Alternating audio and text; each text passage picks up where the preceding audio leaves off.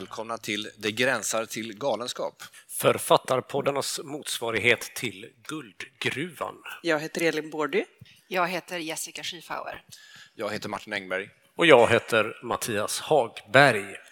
För snart 20 år sedan så gav konstnären Lars Vilk ut en bok med den provokativa titeln Så blir du samtidskonstnär på tre dagar. Boken var på en och samma gång en varm kärleksförklaring till konsten som en satirisk uppgörelse med konstvärlden. Den något hårdragna men träffande tesen var att vem som helst kan bli en eftertraktad och uppburen konstnär på några få dagar. Det gällde bara att ha rätt kontakter, rätt känsla för trender och rätt personlighet. För Lars Vilks var konsten något fint medan konstvärlden, alltså den där numera hyperkommersialiserade marknaden som inte bara består av konstnärerna själva utan lika i hög grad av gallerier, konstskribenter, akademiker, auktionshus, museer, en kapitalistisk humbug. Ja, kanske bara ett sätt att få pengarna att snurra. Och då är frågan, kan man göra samma analys av litteraturvärlden? Ja, det var det jag tänkte vi skulle prata om idag. Alltså kort och gott, kan man bli en uppburen samtidsförfattare på några dagar? Eh, och på samma sätt som Lars Vilks en gång i tiden ställde den här frågan med glimten i ögat och på kanske ett något lite överdrivet sätt men också ett intressant sätt så tänkte jag att vi skulle ställa den idag och fundera på hur ser egentligen vägen till författarskapet ut? Vad är det som avgör vad som kommer ut på bokmarknaden? Vad som uppmärksammas, vad som blir omtalat och hågkommet? Eller om man vill så, vad är det som tillåter oss att sitta här idag på scenen och orera i snart en timme, eller i en timme? Eh, men jag tänkte faktiskt att vi skulle börja så här, att ingen av oss fyra är ju egentligen liksom så födda in i någon sorts kulturvärld eller sånt där, utan vi har ju lite grann så jobbat oss in i författarvärlden, kanske man kan säga. Och jag är lite nyfiken på, när ni liksom kom in på det här fältet, om man kan kalla det så, vad, vad upplevde ni då? Vad blev ni mest förvånade över eller chockade chockade över eller glada över? eller något sånt där. Vad var det i den här litteraturvärlden som på något sätt överraskade er? Ska vi börja med dig, Elin? Ja, gud vad svårt. Eller hur? Um, men intressant. Ja, ja, men jo, men absolut. Nej, men, jag tänker att min väg ändå var så pass lång, fast den kanske var kort i efterhand. Eh, så att jag liksom vande mig. Ehm, skrivarskola på folkhögskola efter gymnasiet, lite mer skrivarskola efter det och sen liksom ett eget sammanhang som fortsatte med folk som jag träffade där, bland annat Jessica. Eh, innan jag liksom så att säga, och sen liksom ganska många år av skrivande, skicka noveller till alla novelltävlingar som gick att googla fram och antologier och tidningar och, eh, innan jag debuterade. Eh, och, då, och då vet jag inte liksom när... jag, jag, kan inte säga att, att, att det, någonting öppnade sig plötsligt för mig på det sättet, utan jag tänker att det var en tillvänjning från det här första. Egentligen var det ju liksom kanske en större eh, chock att börja på skrivarlinje där allting var samtal om litteratur och alla hade läst allting och alla var så himla bildade. Jag var 19 och satt med öppen mun när liksom jag tyckte att de mest briljanta livsvisdomar mellan de här otroligt mogna 26-åriga killarna som hade läst litteraturvetenskap flög genom luften. Wow, kan det vara så här? Och sen kanske jag i efterhand kan se på det med lite en annan blick. Men, men jag kan inte säga att jag liksom kom ut på det litterära fältet så, liksom, men, utan det var väl där det skedde på ett sätt. Mm. Men är det ingenting som har, har liksom förvånat dig eller som du har tänkt på under de här åren? Massa saker har, väl, har jag väl tänkt på, men förvånat och förvånat. Um, jag vet inte, jag har svårt att, svårt att riktigt sätta fingret på det. Men jag kan komma in med lite förvåning som nästan ligger underförstått i din fråga. Eh, för för mig var det nog ändå en förvåning att upptäcka att eh, som kom ganska långt ifrån att veta så mycket om hur det fungerar i kulturvärlden överhuvudtaget eftersom jag inte har någon familj som har sysslat med det överhuvudtaget. Och det som var, gick upp för mig efter ett tag var att ja, men här är, möter jag massa människor som faktiskt vars föräldrar eller släktingar på olika sätt jobbar med kultur och att, eh, att det för dem fanns som en självklarhet att man kunde göra det. För mig så var det liksom, jag visste ingenting om det. Eh, så det var nog det som förvånade mig mest. Eh, att man kunde ha en förälder som var konstnär till exempel. Det var ju helt jättekonstigt för min, för min del tyckte jag. Eh, och sen kanske det var eh, efter, efter liksom, det kanske inte var så många som, jag, som, det, som det kändes som ett tal, liksom. men det var, det var ändå en sak som jag överraskade mig. För jag, för jag tror att det är lätt att tänka att eh, sådana här saker som skrivandet, att det är någonting som man, man kan bara ta sig in i det via meriter. Men så är det inte riktigt. Tänker jag. utan? Kanske, utan kontakter har också betydelse, faktiskt. Mm. Så. Vad säger du, Jessica? Ja, vad säger jag? Eh, nej men jag har gjort ungefär samma resa som du, Elin, in i det skrivande livet och den litterära världen också. Jag var ganska ung, gick gymnasiet, sen gick jag skrivarskola och sen gick det en herrans massa år innan det blev en debut. Och jag tänker att jag kan dela upp det lite grann i först då detta att få lov att debutera, att få komma ut med en roman på ett etablerat förlag. Det var ju någonting som man då hade drömt om i tio år och mer innan detta hände i mitt fall. Och det var, minns jag det som, just att liksom få veta att nu ska jag debutera, min bok ska tryckas. Det var ren lycka. Alltså det var som att få ja på ett frieri. Liksom. Det var så här, wow! Nu börjar livet och jag kommer aldrig ha några problem med det hela mitt liv. Oh, oh, oh. Så. Fantastiskt var det. Blev det så, eh, Jessica? Nej, det var, Va? det var det jag tänkte jag skulle komma till, Martin. Eh, för det som hände sen, det var att jag efter min debut som heter Om du var jag, som kom 2009, så följde jag upp debuten 2011 med en roman som heter Pojkarna, som fick ett stort genomslag och mycket uppmärksamhet. Och därefter så kom jag med roman 2015 som heter När hundarna kommer, som också fick stort genomslag och mycket uppmärksamhet. Och i teorin så var ju detta med att vara författare och få ett stort genomslag, det var ju nästa steg av drömmen. Det var ju ännu fantastiskt, mer fantastiskt i tanken än att bara få debutera. Men det var också vidrigt eftersom plötsligt så att säga så hade jag så sjukt mycket att leva upp till. Och jag hade gjort ett yrkesval, jag hann närma mig 40 eh, när eh, den andra av de två hundarna kommer, när den kom ut. Och jag började inse att nej, men nu måste jag bära, jag måste ju bära detta, jag måste ju hålla den här. Ah! Och det var eh, en fet baksida eh, som jag brottades med i, i flera år innan jag gjorde mig fri och skrev den här romanen Bärarna som kom 2020. Och den satt otroligt långt inne, mycket på grund av en känsla av att mitt liv hade blivit mera bransch och mindre litteratur. Eh, så kunde jag känna, att det var väldigt mycket av mina tankar när jag satt och skulle skriva som, eftersom jag hade lärt mig en del om branschen, det, var, det störde ut hela tiden. Alltså tankar på hur kommer det tas emot, vad kommer den recensenten skriva, vad kommer det jämföras med, hur kommer det jämföras med saker jag tidigare skrivit. Ah! Så.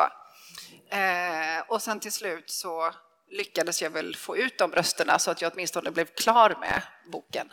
Så det, typ- så jag tycker jag har varit överraskningar och toppar och dalar hela vägen. Men den största överraskningen, måste jag säga, det är att jag då och då tittar upp ur alla funderingar över vad ska jag skriva nu, blir det här bra, vad är branschen, hur förhåller man sig till den? Och då och då tittar jag upp och så inser jag, men jag älskar ju fortfarande att skriva över allt annat. Det är nog nästan den största överraskningen, att kärleken till litteraturen faktiskt finns intakt någonstans inuti mig, trots bruset och jämförelserna och recensionerna och allting sånt.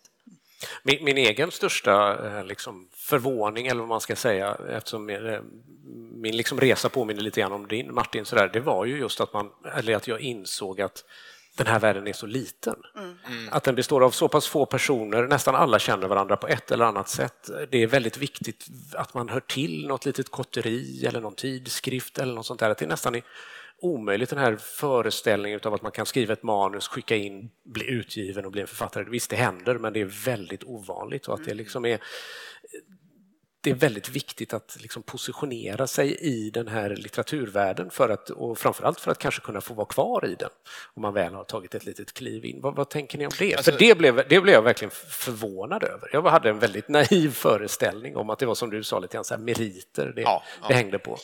Nej, men det visade sig ju vara också vägen in och är det ju fortfarande för de som kommer väldigt långt utifrån att det där är en möjlig väg. Alltså dels att gå på folkhögskolorna, för det gjorde jag också och det var Eh, det första sättet som jag förstod någonting om hur den här branschen överhuvudtaget fungerade. Och sen genom att förstås skicka massa saker till eh, tidskrifter och få refuseringsbrev, ibland långa och korta. Jag har några av Daniel Sjölin, han är inte kvar här. Eh, men, eh, och gjorde det ganska mycket. Eh, och då blir man ju efter ett tag så blir man ju ett bekant namn för de som sitter och publicerar saker. Precis. Och några av de här gick vidare från tidskrifterna till förlagen eh, och kände igen mitt namn liksom, och sa åh, skicka han igen. Så här. Men eh, ibland så kunde man få positiva responser. Så, eh, så eh, det, där, det innehöll ju en sorts möjlighet att faktiskt också skriva sig in på ett sätt. Va? Jag, när vi pratade om det här med kontakter så var det ju någon liten debatt om det här för några år sedan, eller för något år sedan, ett halvår sedan, om om det gör någon skillnad ifall man har liksom, eh, föräldrar som har kulturbakgrund eller just inte. Det. Kulturbarnsdebatten. Det var så den hette, just det. Och då, och då hävdade ju Martina Montelius, som för övrigt är dotter till Kristina Lund. Lund eh, att det inte finns några räkmackor in i kulturen. Eh, och då skrev hon någonting i stil med ja, man kanske får en chans eller två. Och så då, ja. som utomstående eller liksom utifrån så räcker man upp handen och säger ja men det är ju de där, ja. den där första chansen som, man, som är den stora vinsten med att Exakt. ha den här bakgrunden och eh, eh, sen efter ett tag när man väl har kommit in, ja, då, det, då måste man ju fightas på samma villkor som alla andra, liksom, när man redan har gjort sitt eget namn. Va? Men det är inte alla som får den här chansen, första eller andra chansen. Ja, och, och till och med liksom innan det, eller på, på ett ännu lite annat plan om jag förstår dig rätt, är ju liksom att om man har någon typ av kulturbakgrund, som du sa, att överhuvudtaget kunna tänka sig att välja det. Mm. Ja. Det kunde ju jag. Ja. Det, det, ser jag ju tydligt ja. att jag har med mig. Att så här, ja, jag kan välja att inte plugga eller jobba efter gymnasiet, utan jag kan välja det här otroligt flummiga skrivarlinje på folkhögskola. Och ingen av mina föräldrar kommer säga, är du galen? Vad ska du tjäna pengar på? Utan de kommer säga, ja, gör det, vad spännande, vi tror på detta. Alltså det är ju en sån otrolig, det betyder ju inte att jag har säkrat ett bokkontrakt, Nej. men det är bara så att den möjligheten mm. finns. Ja. Ja. Jämfört med om man kommer från en annan bakgrund där man inte ens skulle ha hittat den där folkhögskolekatalogen eller ens tänkt att vad ska jag leva på? Liksom. Mm.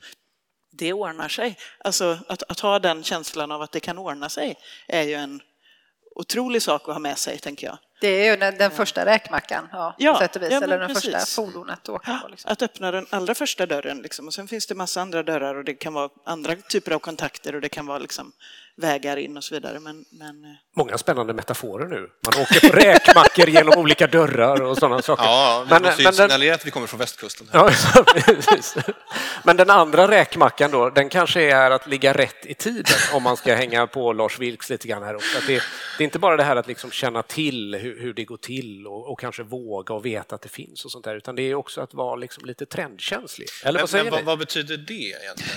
Eh, för jag tänker att... Nu får du inte ifrågasätta mina frågor. Nej, jag bara tänkte, jag tänker att ligger ja, men, fin, men, finns det någonting sånt? Alltså att det finns liksom ett, ett begär efter vissa saker, vissa, vissa typer av böcker, vissa typer av berättelser, vissa typer av personer och sen så om man liksom på något sätt kan uppfylla det och vara lite medveten om det så, tänkte, så är det en räkmacka. Jag tänkte bara komma med ett lite mindre oförskämt svar. eh, nej, men jag tänker att det ligger, delvis tänker att det ligger också i skrivandet, skrivandet att hitta frågor som är liksom intressanta och relevanta för samtiden. Så att man, om man vänder på det så också så tänker jag att det ingår i skrivandet att göra sig relevant för sin samtid på något plan också. Men eh, annars så ja, det är klart att vi kan se trender i litteraturen om vad som just nu publiceras ganska mycket av. Sen eh, Knausgårds och Lars Noréns stora projekt så har det kommit väldigt mycket eh, Autofiktion. autofiktion och exofiktion som det också Ja, just kommit mycket när man går in i en känd persons eh, historia och skriver eh, jag-form kanske till exempel. Heter det så? Ja, det- Spännande. det, I Norge heter det så i alla fall. Lärde jag mig något nytt. Ja. Men får jag ta vid där? Ja, För jag tänker tack att gärna. Jag tänker att alltså, det tar ju ganska lång tid att skriva, åtminstone om man ska skriva en roman då, som vi gör. Eh, och det där har jag funderat en del på, för att trendkänslighet idag, det går fruktansvärt fort. Eh, någonting, ett ämne kan vara i hetluften, det kan vara jättedebatterat och sen så går det två månader och så, så är det liksom slut med det och så är det nästa ämne. Och det kan jag relatera till med den romanen som står där, Bärarna. Det är en, en bok som handlar om eh, att förhålla sig till en pandemi och att eh, leva i en framtid med kraftigt förändrade förutsättningar. Eh, och så handlar den om könskriget också. Eh, och En trend. en trend, eller rättare sagt en historisk röd tråd som har alltid har funnits. Eh, och den boken tog mig ju liksom eh, i runda slängar tio år att skriva färdigt, så jag började på den runt 2011 någonting och så kommer den ut 2020. Och då var vi mitt i en pandemi. Eh, och jag tror klart som fasen att ingen orkar läsa den då. Jag hade inte orkat läsa den själv när den kom ut, kan jag känna. Eh, däremot så känner jag att hade den kommit nästa år så hade den kommit mycket, mycket mer rätt i tiden. Men om man då har liksom en arbetsprocess som ligger någonstans mellan ja, tre och åtta år är det ju ofta folk tar på sig att skriva en roman. Hur sjutton ska man kunna ha med i tanken att man ska vara trendkänslig? Då kan man vara trendkänslig när man börjar skriva eller när man är i mitten av skrivandet. Då kan man känna så här, ja, alla pratar precis om det här som jag håller på att skriva om nu. Gud vad bra! Så tar det tre år till att få färdigt bok och då är det något annat man pratar om. Så någonstans så tänker jag att det är jäkligt otacksamt att hålla på med ett konsthantverk som tar så sjukt lång tid om det också finns ett krav på att man ska vara väldigt trendkänslig. Får man nästan hoppas på att ett ämne är så pass viktigt och tungt att det finns kvar eller att man väcker nytt intresse för samma ämne när boken kommer ut. Alltså det är väldigt svårt att luta sig på att man ska lyckas vara trendkänslig. Det skulle jag inte palla med. Men det, det jag far efter är kanske den här eh, liksom, spänningen mellan att vara konstnär, eller vad man ska säga, liksom, eh, och att verka på en, en sorts marknad som är bokmarknaden, att liksom befinna sig i den spänningen. Vad tänker ni om det?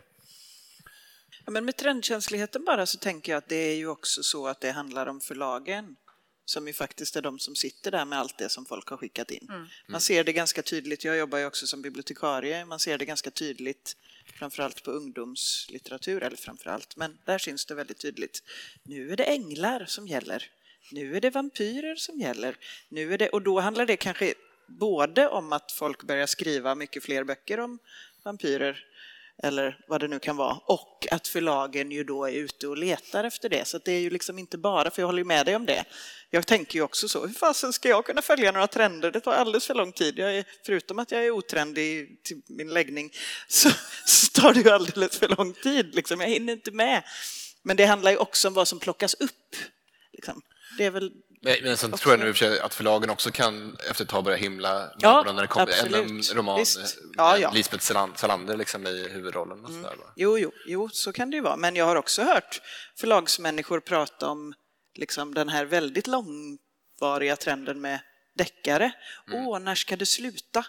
Ja, kanske när ingen ger ut det längre. Det är inte som att det kommer sluta av sig självt. Alltså, det finns ju någon sorts blåögd inställning där, kan jag uppleva ibland. Men ja. Eh, Det var inte ett svar på den frågan du ställde nu. Det var en Ja, men det var kommentar ett bättre eh, svar. Ja, det, nej, men jag, jag tänker att eh, jag vill ju alltid rida på min käpphäst här om att det är liksom lite olika cirkulationer när det gäller marknad. När pratar man om marknad så är det lite olika saker. Just den här genrelitteraturen befinner sig kanske i ett sorts kretslopp. Liksom. Där böckerna skrivs just för att nå en kommersiell framgång, vilket inte betyder då att alla böckerna som alla deckare gör det överhuvudtaget alls. Och sen finns den här andra cirkulationen där flera av oss befinner oss, eh, som är litterära böcker kanske på ett sätt och där eh, vi kan få stipendier ibland och vi blir recenserade som eh, deckare kanske inte blir.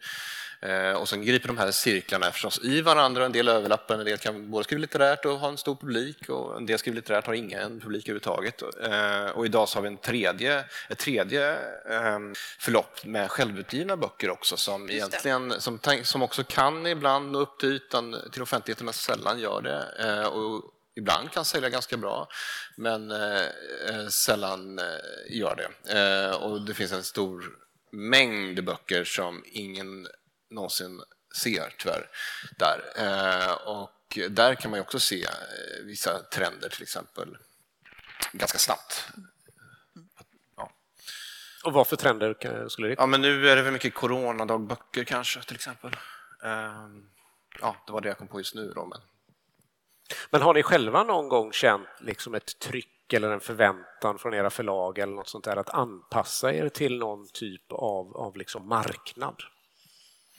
Det trycket känner jag nog inifrån själv allra mest. Jag tror jag lägger det är ingenting som jag känner att jag lyckas med kanske, men jag har en ständig underliggande ångest över att när det väl blir klart kommer det då liksom bara vara ett ämne som är intressant. Liksom. Men, men jag, jag tänker att du har ju största anledning av oss att ha en förväntan på dig om att nå ut eftersom du har ett par böcker som verkligen har nått ut och fått stor publik. Japp, det är baksidan av det privilegiet. Ja, men du känner inte det från förlaget? Att de nej, är... nej inte, att det ska, inte att det ska vara så här, nu behöver du skriva om det här ämnet eller att nu ska det vara den här trenden, det här är hett just nu. Däremot kan jag ju känna att det finns en idé om hur jag skriver som de gärna vill att jag ska hålla mig till. Och vill jag flippa ut lite och, och ja. göra något annat, liksom, experimentera, då blir de lite stressade. Då, kan jag känna att de liksom så här... Men har det att göra med hur du berättar eller teman? Och jag vet inte. Jag får bara en vibb av att förläggaren är lite eh, ja, lite tveksam. Jag kan, inte, jag kan, inte, läsa ut vad det är. Det är ingen som säger skriv mer så här eller varför, utan det är mer en känsla av att, det liksom är, att de är lite besvikna på mig. Det kan ju vara en generell yrkesskada också. Ja, det är så förläggare känner... jobbar när de skickar ut vibbar. Ja, jag tror det. Jag tror att det finns en en särskild skola som förläggarna ja. går där man får liksom sända ut vibbar istället för att säga direkt mm, det här vad det är var ju menar. bra. och så tar man manuset och går hem och skriver om det. Liksom. Ja. Men en, eh, Eh, en kanske positiv på sätt och vis spaning eh, på ämnet nu då, eh, samtiden, trendkänslighet, att göra sitt namn. Jag hade en skrivarkurs, en workshop på fyra dagar nu med ungdomar som var mellan 15 och 18. Och då tidigare så har jag gjort en skrivövning på sådana workshops där alla får skriva en känd fiktiv karaktär på en lapp och så lägger man lapparna i en hatt och så blandar man och så får man dra två stycken lappar och så ska den ena skriva brev till den andra. Och då har det tidigare alltid blivit så här skojigt att Mumintrollet skriver brev till Stålmannen och så vidare. Men vad som hände den här gången, det var att det gick inte att ge det här gänget instruktionen skriv ner namnet på en känd fiktiv karaktär som alla känner till. Mm. För det visade sig att de här åtta olika ungdomarna levde i så vitt skilda fiktiva kluster. Så de hade ingen aning om de karaktärerna som de andra upplevde, ja men det här är den mest kända, just nu hetaste, trendigaste karaktären av dem alla. Vilket fick mig att inse att nu så finns det så otroligt många eh, platser, genrer, undergenrer, sätt att berätta som, alltså där folk skolas, om man säger så. Så det här med att nå ut brett, det är liksom en helt annan dimension nu. Ehm, då kan man ju liksom så här, om du är inne i manga-genren till exempel, som många i den åldern är, då har du en jättestor värld av berättelser och karaktärer och storylines och fanfiction som du kan skriva in dig i utan att vi andra har en aning om det. Och det gör heller ingenting, för det finns en gigantisk publik åt dig i alla fall. Liksom. Eh, vilket jag kan känna kanske kan vara lite tröstande och få en att tänka att om man skriver det man vill så är det större chans idag att du hittar en plattform där det kan nå ut till de som gillar samma sak. Eh, kanske, om man ska vara lite positivt lagd. Det lät fint. Eh, men om vi leker lite grann med tanken då att vi är ett förlag och att vi skulle, skulle man kunna skapa en författare? Skulle man kunna skapa någon som... Som, eh, som en sorts Gollum-figur? Ja, men precis. Vad säger ni? Ja, det Vad tror jag händer hela tiden. Ja, att man gör man då försöker då? i Ja. alla fall. Ja, men ett exempel som väl har varit hänt flera gånger de senaste tio åren i alla fall, det är ju att man plockar upp en influencer. Att förlagen plockar upp en influencer, någon som har ett Youtube-konto eller en blogg var det för tio år sedan. Eh, som så att säga har ett, eh, ja, men ett, eh, ett trevligt språk eller ett ämne som oftast då är hett och intressant och så ber man den personen att skriva en bok. Eh, och det finns en podd, tror jag, tror det var du Martin som nämnde namnet på en pod- podd, eller om det var du Elin. How to make writers into authors. Kan det stämma? Det vet jag. Hur man gör en skrivande människa till en författare. Det är lite skillnad, tänker jag. Eh, Att skapa en författare, det tror jag inte du kan. Men som förlag så tror jag att du kan hitta en person som kan skriva, kan uttrycka sig och som framför allt, är jag rädd, har andra kvaliteter som är marknads, marknadsföringsmässigt gångbara. Och sen så kan du med den kompetens som finns på förlaget hjälpa till att göra åtminstone en bok. Och ger man den då den marknadsföring som, om man lägger musklerna på den marknadsföringen, då kommer det bli en bok som alla pratar om. Så böcker kan du nog skapa hela tiden med ett namn bakom. Men kan du skapa en författare som, har, som kan driva... Ja, du ska få prata. Kan du skapa en författare som kan driva sitt författarskap framåt själv? Ah, jag vet inte. Det vill man ju inte tro, för i så fall man, är man ju rätt obsolet. Då sitter man ju där och sliter i sin ensamhet fast man vet att någon annan skulle kunna göra det åt en om någon brydde sig. Jag, jag tänkte bara. Ja, komma in med något mindre cyniskt svar. Eh, nej, men Det kanske kan att, behövas.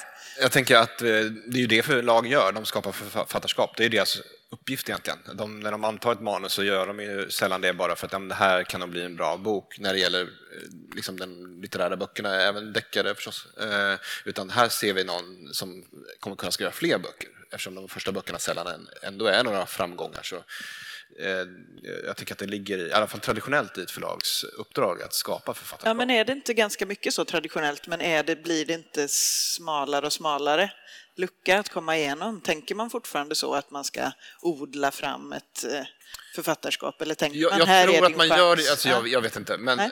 jag bara känner Ja, det, på vibbarna låter, här. det låter härligt. Ja, men jag tror att man gör det ganska Okej. stor del fortfarande. Ja. Men det som har blivit skillnaden är ju, eh, idag är ju att författarskapen har blivit mindre trogna förlagen. Att det är vanligare idag att man eh, byter förlag, i alla fall ifall man har ett eh, kommersiellt framgångsrikt eh, författarskap så kan man eh, ha en agent och så, så, så ger man sig ut på ett annat förlag nästa gång liksom, för att de betalar lite bättre och så, här, för då är man sitt eget namn liksom, på ett annat sätt. Ehm, så så det har nog luckats upp från båda håll lite grann så tror jag. Sverige är fortfarande ganska unikt i att vi inte först skickar till en agent som sen säljer in det hos ett förlag. Just det. Utan att människor faktiskt skickar sina, förlag, eh, sina manus till förlagen. Ja. Det är ju unheard of Jaha. i stora delar av världen. För, De- för de folk som sitter här och kanske inte är riktigt eh, så insatta i Ja, agentskapet. men sånt där, en är det agent något? är ju då den som liksom ska sälja in, då har man ju en mellanhand.